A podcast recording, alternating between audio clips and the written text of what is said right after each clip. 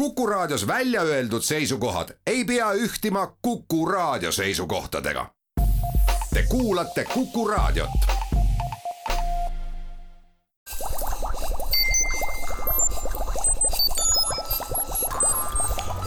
kukkuv õun head Kuku kuulajad, Kuku Õun eetris. külla olen kutsunud lennunduseksperdi Peep Laugu ja mina saatejuht Marek Strandberg võtsin täna teemaks selle, et arutada veidi nende asjade üle, mida on Ukraina sõda muutnud sõjapidamises ja üldse kõiges. ja Peep on külla kutsutud valdavalt selle tõttu, et kõneleda asjaolust, et selline asi, mis varem oli modellennuk või muu selline ehk tänaseks hetkeks on droon, muutunud täiesti tõsiseks sõjapidamise vahendiks, mitte ainult mingisuguseks luuramisvahendiks, vaid omab tegelikult väga suurt tähendust strateegilises mõttes. no mida me nägime, olid ju üsna, noh, kuidas öelda, kas nüüd põlve otsas, aga ikkagi mingis suhteliselt lihtsakoelises vabrikus kokku pandud Iraani droonid, mis tekitasid suurt hulka segadust Ukraina poole peal. kuidas nende droonidega tänases maailmas üldse on ja kas me peame arvestama sellega, et tulevikusõda on ikkagi väga suures ulatuses just erinevate droonide sõda? jah, äh, kipub küll nii olema, et isegi pool aastat tagasi ei olnud veel võimalik näha, et droonide kasutamine siis lahinguväljal niivõrd ulatuslikuks muutub, nii et äh, kõikvõimalikke kas või maapealsete jalaväe soomustehnika rünnakuid, neid juhitakse droonide abil, kontrollitakse nende tulemusi, ühesõnaga droonid on üks kõige tähtsamaid komponente üldse tänapäeva sõjas, siis äh, lisaks veel ähm, navigatsiooni Äh, häirimine, vastase navigatsiooni, sidesatelliitide häirimine, äh, kõikvõimalikud sellised küsimused veel ja kuni siis isegi ähm, relvastuseni välja, et droonid võivad nii kanda relvi kui ka ise olla siis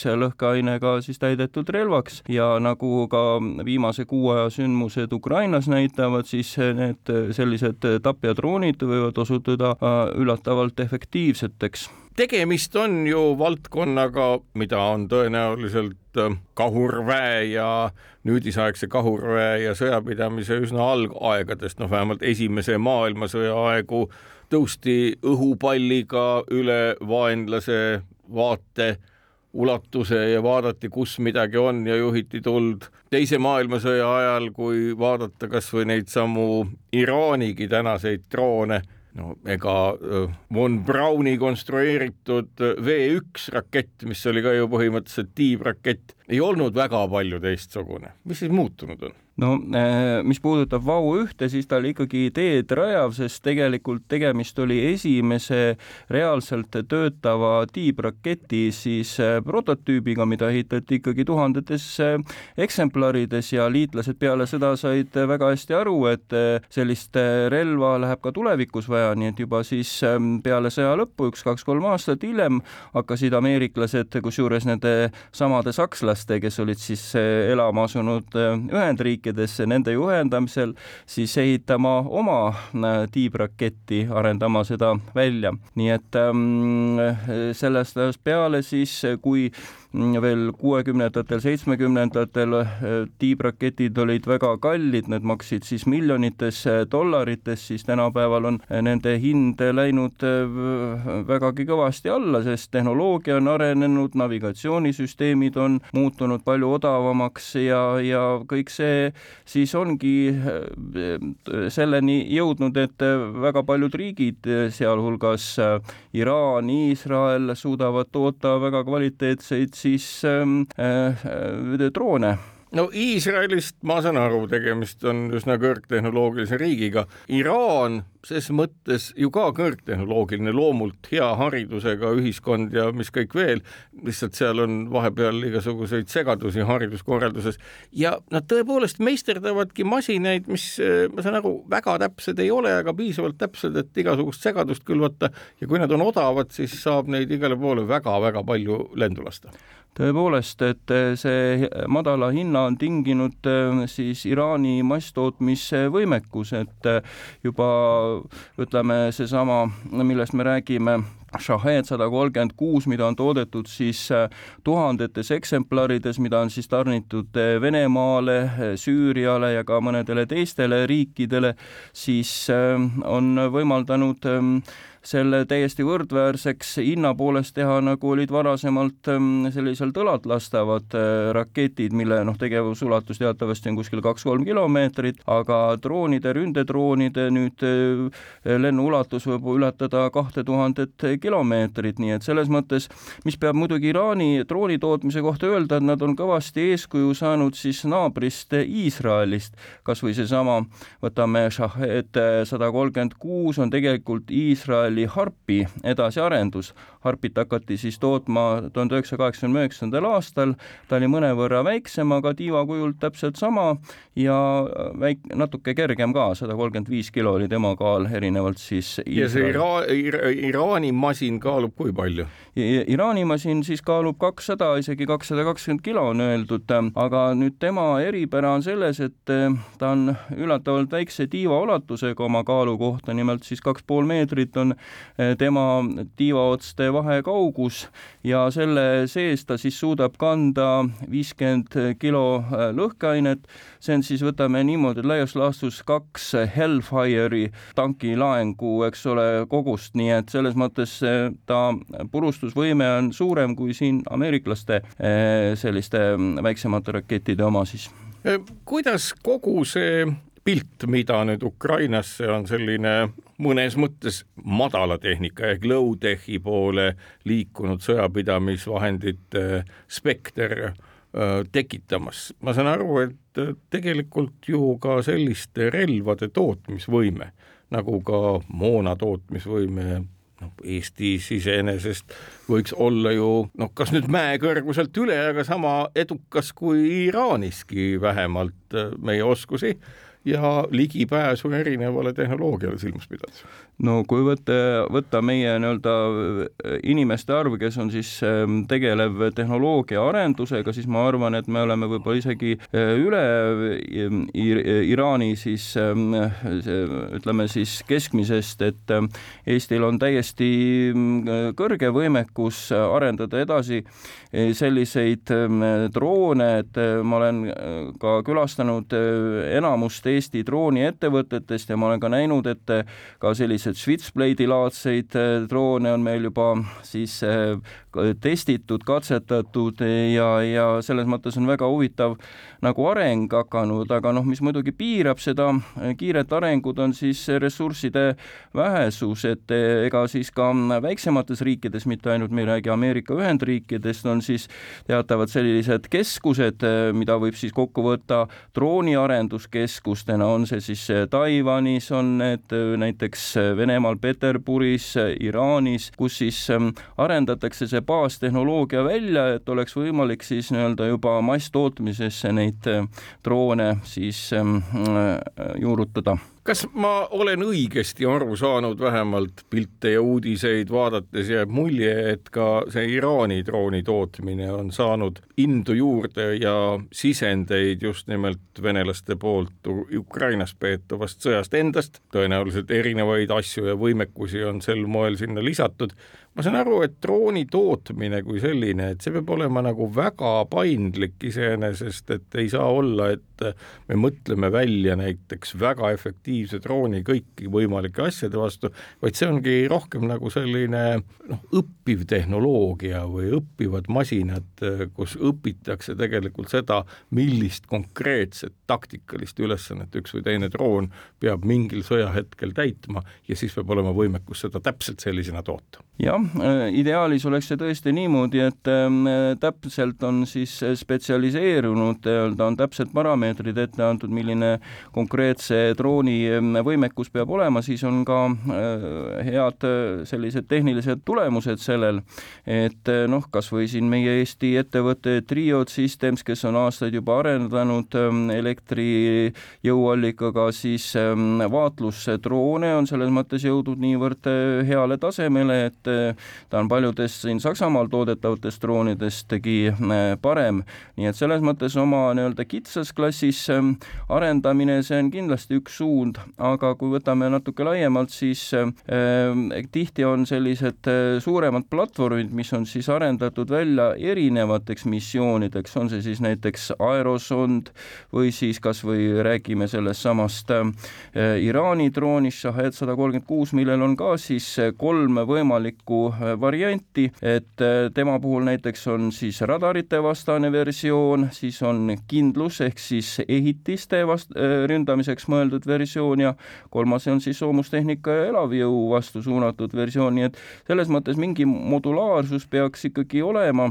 Eh, ühel platvormil, et seda oleks võimalik vastavalt eh, noh, vajadusele kiirelt eh, kas või siis lahinguväljal ümber mängida ja kasutada kas või siis ühes parves erinevaid, erinevate lõhkelaengutega droone. ja mis ainu-, nüüd, mis on siis võib-olla selles Iraani drooni testimises üks selline oluline, et esmakordselt siis on siis kasutatud päris suuri drooniparvi korraga ja see drooniparv on siis, sellest on küll noh, nii testitud Ameerikas kui ka mujal, siis drooniparv võimaldab ähm, segada radareid äh, mis tahes rohkem kui mingid teised tehnoloogiad, nimelt ähm, väga lihtsalt öeldes siis ähm, kui me lennutame kümme drooni korraga ühes parves, noh, see kaugus võib neil omavahel olla pool kilomeetrit, üks kilomeeter, siis radari ekraanil tulenevalt nüüd äh, raadiosignaalide peegeldumisest droonide droonide enda vahel võib tekkida punktipilv, kus on sada drooni. Ja seetõttu nagu operaatoril on väga raske aru saada, kui suur see parv tegelikult on, kus on see nii-öelda see juht, kuhu tuleb laeng suunata ja siis läheb üks selliseks hirmsaks põmmutamiseks ja kusjuures ikkagi eh, tõenäosus et, et viiskümmend protsenti droonidest sellest suurest pilvest läbi tuleb, on küllaltki suur, nii et tänu sellele drooniparve efektile on siis võimalik mm, radarid ära segada siinkohal teeme aga saatesse väikese pausi ja kuulake meid pärast vaheaega. õun head Kuku kuulajad, Kukkuv Õun jätkub tänaseks teemaks droonid ja nende kasutamine ennekõike just lahingtegevuses, ajendatuna sellest, mida me oleme näinud, kuulnud ja mida on räägitud Ukraina asjus. saates külas Peep Lauk, lennundusekspert, mina saatejuht Marek Strandberg. ma tean ka seda, et Ühendriikides on väga palju katsetatud mitte enam niisuguste suuremate drooniparvedega, vaid üsna pisikeste droonidega. no mis ma saan aru, on ju veel keerulisem üldsegi tabada, et kui me kujutame ette, et noh, kellel on juhtunud, minul on juhtunud, õnneks olen pääsenud väikeste nõelapistetega, aga erilase pesa, mis räästa alt maha on kukkunud, tekitab ikkagi noh, sellise asja, et selle suminaga ja nende sumisejatega ei ole midagi muud teha, kui aitavad ainult kiired jalad just nimelt jah, et eh, kes on ka näinud eh, mesilase sülemit, eh, mis siis lendab siis täpselt samamoodi, tegemist on sellise suure halli pilvega, mis lendab ja millel ei ole võimalik siis juhtijat või kedagi leida, nii et selles mõttes siin on samasugune pilt, et isegi kindlaks teha, palju seal liikmeid on, seal kümme, sada või tuhat, isegi seda on väga raske, nii et, nii et tekivad kõik sellised efektid, mis siis on radaritele noh, seal segadust tekitav siis? ma saan aru, et väike droon on noh, üks asi, mida me ette kujutame, on seesama, mis sa kõnelesid, switchblade ehk siis nagu selline kokku volditud äh, tiibadega mürsk, mis õhus hõljub ja vaatab, millal ennast tanki peale kukutada ma kujutan ette, et nendesamade drooniparvede puhul testitakse isegi ka selliseid lahendusi, kus mitte ei kukuta, vaid läheb, maandub nagu mingisugune linnuke näiteks tanki peale ja passib seal, kuni siis ennast õhku laseb, ehk et nagu droon kui sõjapidamisvahend võib kõik need äh, lahendused, mis tänase päevani on niisugused ägedad äh,, üsna kasutuks muuta, nimelt tankid ja muu sellise kraami jah, tundub küll, et ähm, kui nüüd ekspertidega rääkida, siis ega isegi kõige paksema soomusega tankid, võtame siin Abrams või räägime, siis tegelikult on sellise ühe-kahe kilose Äh, siis ähm, äh, relva poolt täiesti hävitatav, millel on siis ähm, plasmajuga, juga mis on kumulatiivne, noh, nii-öelda sõjaväelased räägivad, nii et selles mõttes tõesti ei ole tarvis enam mingeid suuri haubitsamürske selleks, et tanke siis äh, purustada. nii et selles mõttes on tõesti droonide tähtsus on üle kõige tekkinud ja veel lisaks saatejuhi poolt märgitule on ka põhimõtteliselt võimalik, et mingid droonid maanduvad vahepeal, äh, laevad akusid äh, näiteks äh, viis-kuus tundi, siis tõusevad uuesti lendu, nii et selles mõttes nad ei, nad on pidevalt nagu suudavad jälgida seda piirkonda ehk et minek õhku on olnud sõjategevuses üks suuremaid selliseid taktikalise läbimurde ja ilmselt ka strateegilise läbimurde tekitajaks, nagu selles kontekstis, kui keegi kõneleb äh, asjaolust, et näiteks tank võib ilma meeskonnata sõita, noh, see mööda maad liikuv automaatne seade, mis ise toime tuleb, on kuidagi abitum, vähemalt mulle tundub, kui mingi asi, mis lendab ja millel on ruumi mitmes mõõtmes nii palju, et äh, vähe ei ole. Jah, küsimus on navigatsioonilahendustes, kuna ütleme, praegused siis GPS ja GLONASS ja Galileo süsteemid, need võivad osutuda lahinguväljal kasututeks, siis ongi üks suund, et tuleb välja arvut-, ähm, arendada siis autonoomne navigatsioonisüsteem, see on siis maapealsete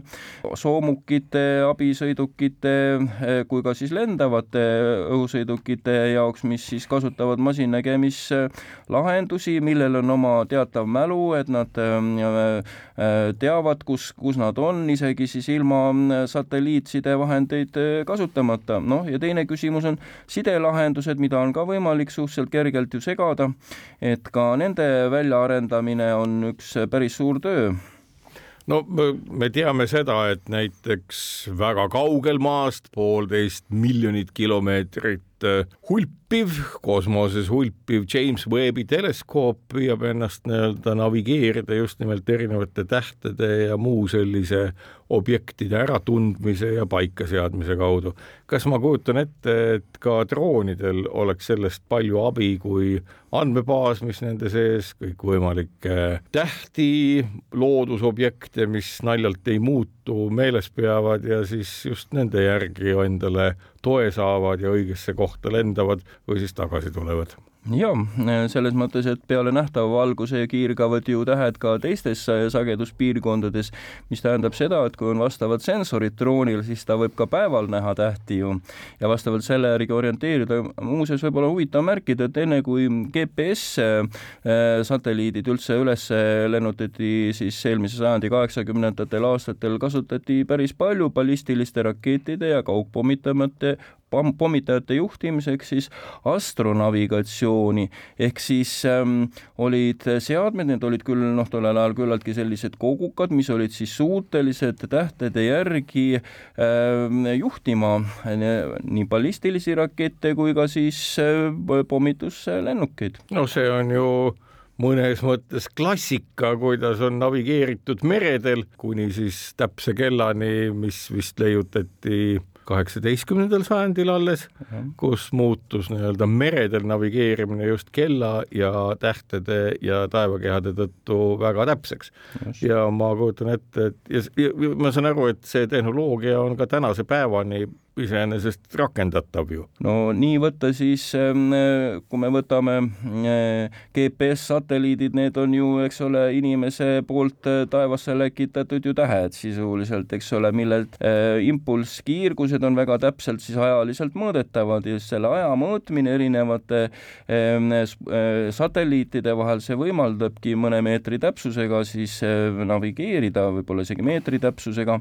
me räägime siin maa mõõtmisest, kohast, kus on sentimeetrite täpsusega võimalik, kasutades siis GPS, nii et võib öelda, et GPS-tehnoloogia, see on edasi arendatud just omaaegsest siis astronavigatsioonist, aga samas tulenevalt kogu sellest olukorrast, mis praegu on kujunenud, siis pole välistatud, et tuleb uuesti siis astronavigatsioonile tagasi minna. mõtlen näiteks nende endagi telefonis olevate rakenduste peale, mis on suutelised ju täheatlase üsna täpselt üles joonistama ja ega ju enamus teleskoopegi sätib ennast paika just nimelt selle mälus oleva täheatlase järgi ja. ja üsna täpselt. jah, et isegi noh, minu isiklik arvamus on, et ähm, see astronavigatsioon võib oluliselt täiendada siis ähm, satelliitnavigatsiooni just selle poolest, et kui tekitatakse vale signaal, ehk seda kutsutakse siis GPF puhvinguks, eks ole, et siis oleks võimalik astronavigatsiooni järgi uuesti korrigeerida ja leida, kas äh, on mõlemad signaalid on korrelatsioonis, kui on nii-öelda inimese siis siis satelliidid äh, siis nihkes, siis tulekski rohkem kasutada astronavigatsioonilisi punkte, et siis sihtpunktini jõuda, nii et selles mõttes see on kindlasti üks oluline, oluline suund siis kas kõikide nende valdkondadega täna, ma saan aru, on kõik jalad kõhu alt välja võtnud ja tegelevad erinevad riigid väga põhjalikult just nimelt ka navigatsioonisüsteemide täiendamisega? jaa, see on täiesti õige, et eh, nii side kui siis navigatsioonilahendused on praegu üks kõige kuumem teema, mida siis arendatakse, et võib-olla kuulajad mäletavad, kui kevadel rääkisime siis Bayraktar eh, droonide kasut-, ründedroonide kasutamisest siis edukalt just Ukraina poolel, siis ähm, äh, umbes paar nädalat hiljem, juba siis märtsi teisel poolel äh, juba vastaspoole tehnoloogia võimaldas siis äh, nende mm, navigatsiooni ja side üle võtta. Ja selle tõttu nagu Bayraktaride noh, kadu oli väga suur, noh, see ulatub siis sadadesse miljonitesse eurodesse, mis neid on siis maha võetud ja põhiliselt just selle sidesüsteemi mm, probleemide tõttu, nii et, et selles mõttes kuidas see arendus on sinnapoole läinud, et siis sidelahendusi äh, mm, parandada. siinkohal teeme saatesse väikese pausi ja kuulake meid pärast vaheaega.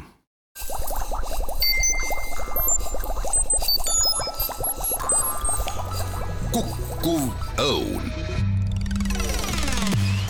head Kuku kuulajad, Kuku Õun jälle eetris, külas Peep Lauk, lennundusekspert, mina saatejuht Marek Strandberg, räägime droonidest ja sellest, mis on Ukraina sõja vältel muutunud kogu drooni asjanduses. üks lugemine, mis hiljaaegu oli, on ka selles, et äh, Taiwan, mis ju elab mõnes mõttes sellises püsihirmus selle osas, et äh, suur mandri-Hiina oma kommunistliku juhtkonnaga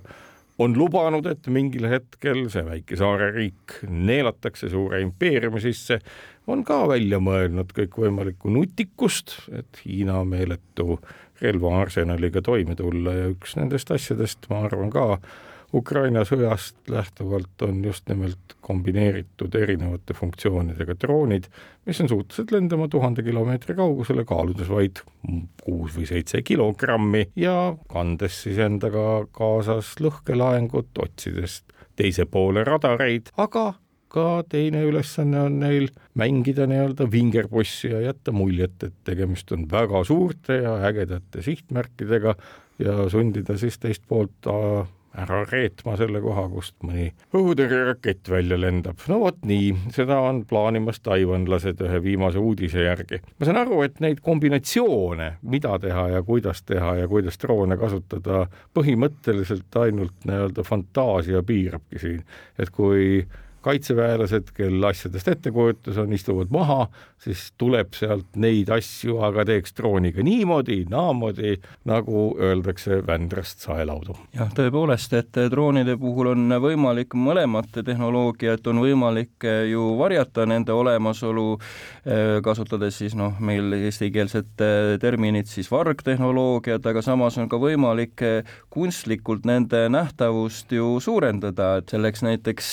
ju Eestis ka toodetakse märklaud tüüpi droone, mis on nii radarite kui ka siis infrapunaseadmetega väga hästi jäljendavad, millel on kohe vastavad sellised äh, padrunid küljes. ameeriklastel oli juba siin vanal ajal oli selline hästi kandiline äh, piloodita droon, mis siis lendas näiteks pommitajate eesotsas, mis tõmbas selle tähelepanu endale, mille peale siis vastaspool kulutas kõige, kõige paremad raketid ära ja siis päris pommitajad tulid tema sabas, nii et selles mõttes see, seda on ka päriselt lahingus siis kasutatud? just, see oli kuuekümnendatel juba oli selline droon oli olemas, mis siis lendas uhkelt pommitajate eesotsas Ameerikas, nii et mis oli just sellise eriti kandiline ja eriti hea siis äh, märk märk, märklaud radaritele. ehk nii-öelda jänes lastakse ees jooksma ja siis liigutakse rahulikult seal järel, et küll jahimees ta maha laseb. täpselt nii jah, jah, et ähm, sama on võimalik ka kasutada praeguses, kui me räägime siin drooniparve efektist, siin on neid kombinatsioone väga palju võimalik, et seda peetaksegi nagu üheks perspektiivikamaks siis lahenduseks droonide kasutamisel siis droonidest veel nii palju, et intervjuu, mis Postimehes oli ühe Ukraina naissoost äh, suurtükiüksuse juhiga, ta ütles, et äh, ega siin midagi ei ole, et palju paugutamist on üsna mõttetu. Ja selle tõttu oli ta väga ootusvalmis, kuni vist järgmise aasta jaanuaris temani peaks jõudma seesama Eestis toodetud vaatlusdroon. Ja nad tõepoolest ütlevadki, et ega nende iga lask peab tabama, et niisama plärtsutada pole mõtet täpselt nii. Ja droon on kõige lihtsam viis või ütleme, kõige käepärasem viis üsna soodsa kulude ja tulude suhtega. Nii-öelda märk, sihtmärk paika panna ja, ja täppislaske teha. isegi eh, võib-olla siis tankide, siis soomushaubitsate, eks ole, tule juhtimisel on tegelikult ikkagi võimalik saavutada täpsus seal mõne meetri täpsusega, kui on ette antud selle sihtmärgi täpsed koordinaadid, aga kuna tänapäeval on kõik ju mobiilne, liiguvad nii inimesed kui siis tehnika, eks ole, siis just selle hetke tabamine ja selle nii-öelda äh, siis teabe andmine kiiresti äh, edasi, see on määrava tähtsusega, nii et kui see õnnestub näiteks lahendada alla minuti jooksul, siis on tegelikult võimalik, et iga teine mürsk tabab oma sihtmärki. samal ajal kui nii-öelda nagu toorelt pommitades võib olla nii, et sajast mürsust võib-olla üks, üks tabab, nii et küsimus on selles ressurssides ja nende otstarbekas kasutamises ja ja droonidel on tegelikult määrav osa selles ähm, protsessis siis täna, kui me vaatame Ukrainas toimuvat, siis pigem ju ongi niimoodi, et Vene poole ülimalt ebatäpne sõjapidamine on seotud hoopis teise asjaga, sellise meeletu hirmu ja ebakindluse külvamisega, millega loodetakse nii, nagu toimiti Süürias Aleppos, nii nagu on toimitud Tšetšeeniaski, varem mingil määral ka Gruusias, murda lihtsalt ühiskonna selgroog. Selles osas ju on nende taktika üsna jõhker. jah, absoluutselt. ja kas hinnang on siis tänasel hetkel, ma saan aru, selline, et kui teistpidi olla jälle kirurgiliselt täpne, kasutades droone, informatsiooni ja kõike muud sellist ühes tervikus, siis lõppkokkuvõttes äh, kaotab teine pool oma ressursse nii palju, et mingil hetkel on nad lihtsalt kuival. no täpselt nii, sellepärast nende ressursside taastamine, see on ju teiseks suureks äh, probleemiks, kui on äh, sillad hävitatud, siis vastaspoolel on ju tehniliselt juba väga raske äh, tarnida siis lahingumoona, nii et selle asemel kasutades nii-öelda täppis siis tehnoloogiat on võimalik kõike kokku hoida, nii inimesi, aega, lahingumoona ja kokkuvõttes siis saavutada edu. nüüd äh, jällegi sama asi, et võtmetehnoloogiaks saan ma aru, on ikkagi kiibid nagu igal pool, mida siis jahivad venelased juba nii rinnapumpadest kui pesumasinatest, et see ei ole mingi nali, vaid see on päriselt nii. nüüd, kui suur võib olla, me kujutamegi ette, et siin on ju sama lugu, et mida paremad kiibid või protsessorid, mida kiiremad andmetöötlusvahendid, seda paremad droonid ja kõik muu sinna juurde kuulub. et ma saan aru, et see võidujooks, mis tänasel hetkel käima on läinud, et noh, see, mis veel ütleme viis aastatki tagasi, et no me tegime niisuguse laheda masina, et vaadake, kui lahe see on. et tänasel hetkel see võidujooks, et kõik kõige parem ja kõige tugevam infotöötlusvahend saada lennuvõimeliseks ja kõik integreerida ühte suurde infosüsteemi, et see võidujooks on täiesti reaalne ja siin nagu noh, natukene teine või natukene kolmas või natukene kümnes olla ei saa. Just nimelt, et võtame kas või näiteks ähm, autopilootide arengu, et ähm, esiteks on autopiloodid läinud ju väga väikseks ja teiseks on nad ka väga täpseks läinud, nimelt noh, praegu juba arves, arvestatakse siin kümnendik ja sajandik sekundi osa, osas gra, kaare kraadist seda kõrvale kallet, nii et sisuliselt on võimalik äh, juhtida ainuüksi inertsiaaljuhtimise süsteemiga, mis on siis üks autopiloodi koostiskomponent, eks ole, äh, saja kilomeetri kaugusele, seal kõrvale kaldaga üks-kaks meetrit ainult, nii et ähm, ilma, et oleks tarvis siis äh, GPS signaali ka täpsustada seda, nii et et juba ainuüksi see, need, selline võimekus on siis äh, kasvanud viimase paari-kolme aastaga tohutult ma mõtlen nüüd hüpates droonide pealt natukene mujale, kas või nendesamade nii-öelda mürskude peale, mida on siin ju arendamises ka selliseid, mis mitte ei lenda viiekümne või kuuekümne või saja kilomeetri kaugusele, vaid äh, tuhande kilomeetri ja enamagi kaugusele just nimelt seal kasutatava mootori tõttu. kas siis nagu see drooniarenduses kasutatav autopilootide süsteem ja selliste nii-öelda väga kaugele lendavate reaktiivmürskude ka, mis ju vajavad noh, ütleme enda sees olevat tarkust, kuhu lennata, sellepärast et iga kui side on ju häiritav, nagu me teame, et need arenevadki nagu rööviti. täpselt jah, arenevad, et kui ähm, ütleme, kuni veel siin aasta-kaks tagasi oli ikkagi pidevalt GPS-sidet ju tarvis selleks, et lennata siin tuhande-kahe tuhande kilomeetri kaugusele, siis äh, praegust tänu äh, inertsiaaljuhtimissüsteemi arendusele, siis on tegelikult tarvis sellel teekonnal ainult mõned üksikud hetked, kui on nende tarvis siis korrigeerida vastavalt siis äh, GPS signaalile seda inertsiaaljuhtimise ja seda tee, teekonna osa, nii et selles mõttes ähm, no tavaliselt võib-olla on ainult selles lennu lõppfaasis tarvis sellist täpsust, kus oleks see täpsus üks, üks-kaks meetrit, et seal oleks tarvis nagu praegu satelliitside olemasolu, aga ilma selleta lihtsalt see hajumine on mõnevõrra suurem, aga noh, suuremat objekti ikkagi tabatakse, nii et äh, siin veel muuseas ju arendatakse masin nägemise lahendusi, mis võimaldavad juba satelliitpiltide pealt tuleneva nii-öelda selle foto järgi leida selle sihtmärgi üles, ilma et üldse oleks tarvis GPS-signaali ja niimoodi korrigeerida see eh, drooni lennu siis lõppfaas, on ta siis eh, seotud eh, relvastuse kasutamisega või, või on tegemist siis suitsiididrooniga, eks ole, nii et selles mõttes need lahendused on jah, väga sellised unikaalsed praegusel ajal. siinkohal teeme saatesega väikse pausi ja kuulake meid pärast vaheaega vaheaega. kukkuv õun. Head kuulajad, Kukkuv Õun jätkub, külas Peep Lauk, lennundusekspert, mina saatejuht Marek Strandberg. droonid droonideks, õhu piires nad saavad siin lennata, kui me nüüd liigume ülespoole, päris kosmosesse, siis ega vist ei ole ju välditav see, et mingil hetkel sõjategevus ka sinna kandub juba on testitud, äh, kosmoseväed on ju Vene Föderatsioonil täiesti olemas, Ameerikal samamoodi, nii et on lasertehnoloogia, millega võimalik vastaspoole satelliite alla võtta, töövõimetuks muuta, et praegust on juba olemas. kui suureks ohuks võib olla see, et hakatakse ka sinna orbiitidele ja nende lähedastele piirkondadele saatma siis droone, mida, millest ei teavitata, sellepärast arusaadavalt ei saa ju sellisest asjast öelda, et nüüd me saatsime üles drooni, millega meil on plaan alla tuua teie see või teine satelliit. noh, rahvusvaheline õigus reguleerib seda niimoodi, et kui sa öelnud ei ole ja kui see alla kukub, siis on see su oma süü ehk et aga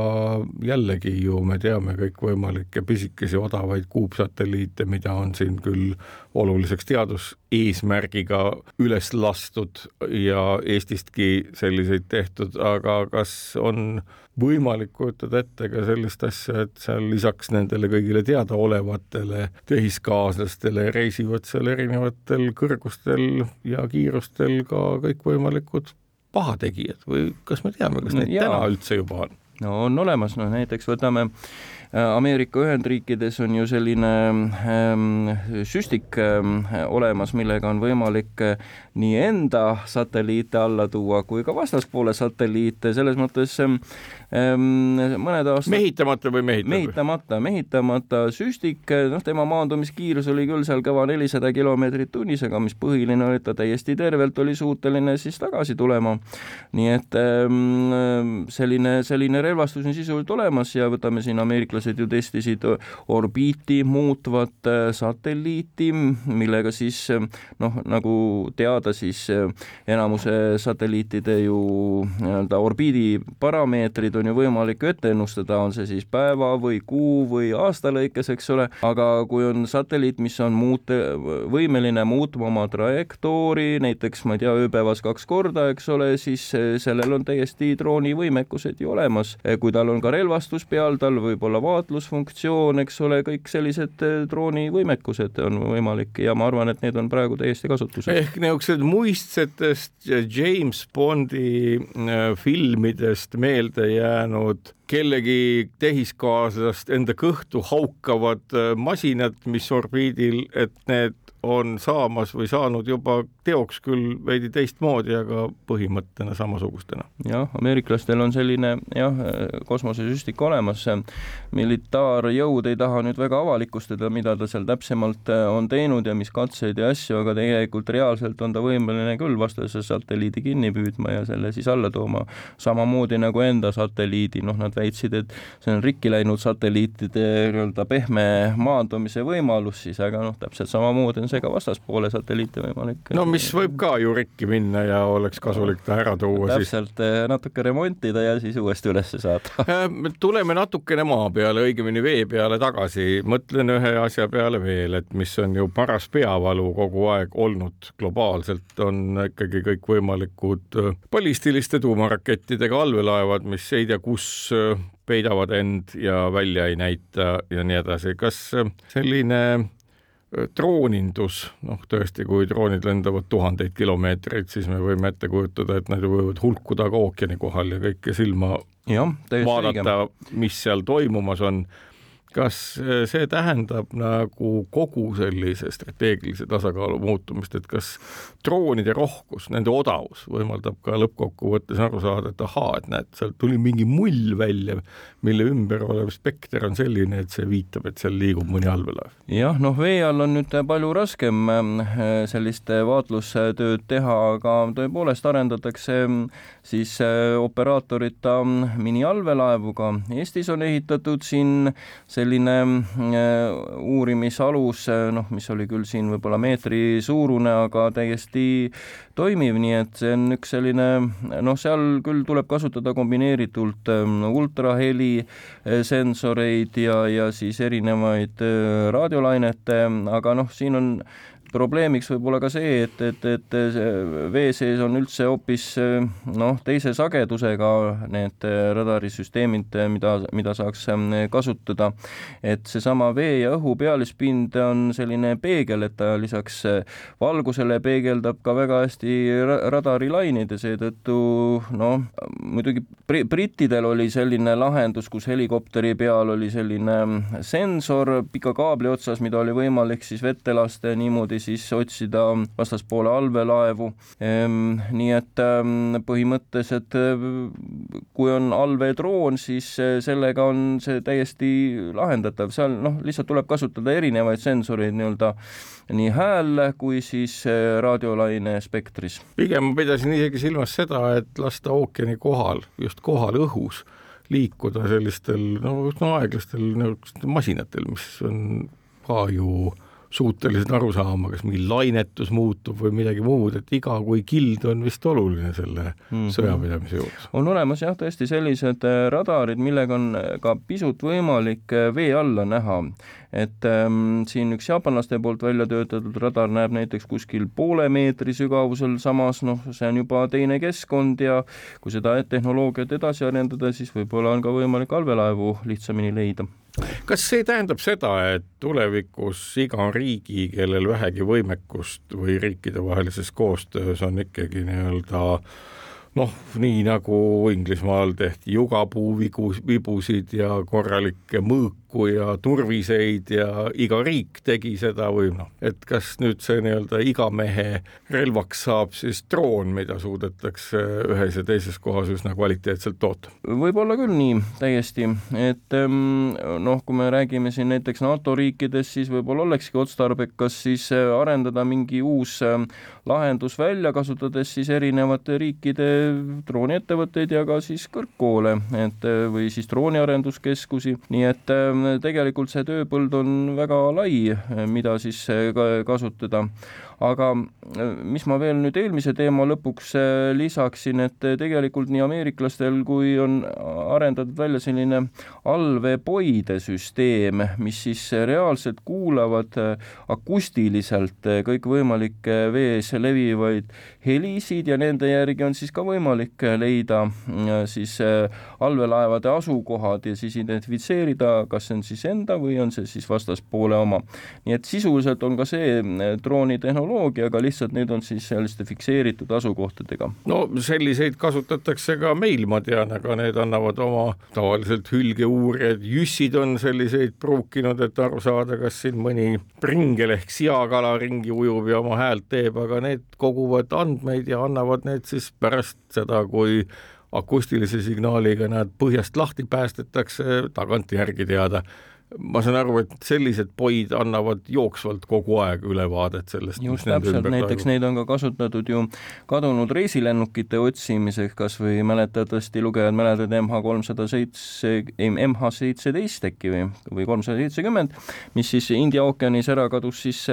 selle asukoha leidmiseks ongi kasutatud selliste poide abi, et neid helisid otsida, mis siis lennuk alla kukkudes võis tekitada ja sellest siis tulenevalt tema asukoht leida ma saan aru ka selle saate algupoole olnud jutuks, et ega tegelikult ka Bayraktaride puhul Vene poole nii-öelda võimekus äh, elektroonilise sõja ja vastumeetmetega tegeleda on ka üsna kiire ja nobe. Äh, see on nagu Alice'is imedemaal, et paigal püsida peab jooksma ja et ette saada, peab väga kiiresti jooksma. no täpselt nii jah, ega siis äh, Vene poolel olid ju, ju sellised äh, suured äh, raadiosegajad välja arendatud Krasuha neil nimeks, eks ole, Krasuha neli nimelt oligi just mõeldud ähm, droonide siis allatoomiseks äh,, ülevõtmiseks ja siis ka siis noh, nende hävitamiseks, nii et ähm, et aga lihtsalt küsimus oli selles, et kuna Krasuha sisuliselt on tegemist mobiilse radariga, mille vastu on tegelikult efektiivsed ju raketid, raketid ja ka needsamad äh, droonid võimalik, siis neid lihtsalt sõja alguses hävitati palju ära.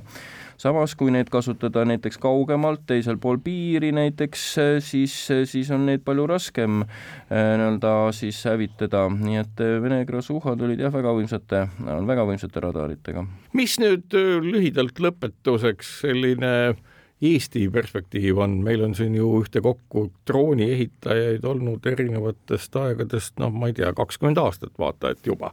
kes on kõik teinud äh, ühte, teist ja kolmandat asja, olnud pioneerid, õpetanud välja inimesi. kas nüüd on saabumas siis see aeg, kus tootjatena võivad nad võtta ikkagi päris kopsaka koore ja ettevõtjatena saada jõukateks ja olulisteks? Kindlasti, mm, kui me nüüd ei räägi ainult, eks ole, Ukraina sõja perspektiivist, et mm, ka lähemad kümme, kakskümmend aastat on sellised, kus äh,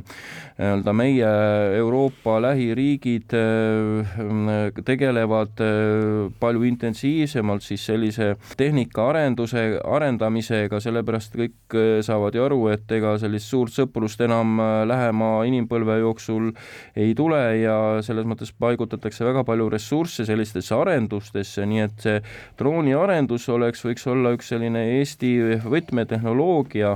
mida nad saaksid pakkuda edaspidi ka teistele nii-öelda sõpradele, teistele NATO riikidele, sarnaselt nagu meil on küberkaitsekeskus, kus saadavad siis kogemused on nii-öelda palju laiemalt kasutatavad, nii et, nii et see valdkond oleks üks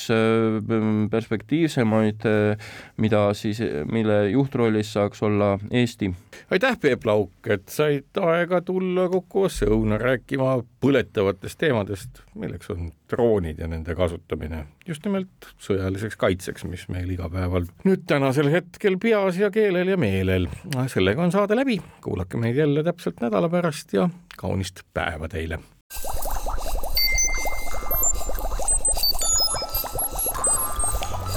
kukkuv õun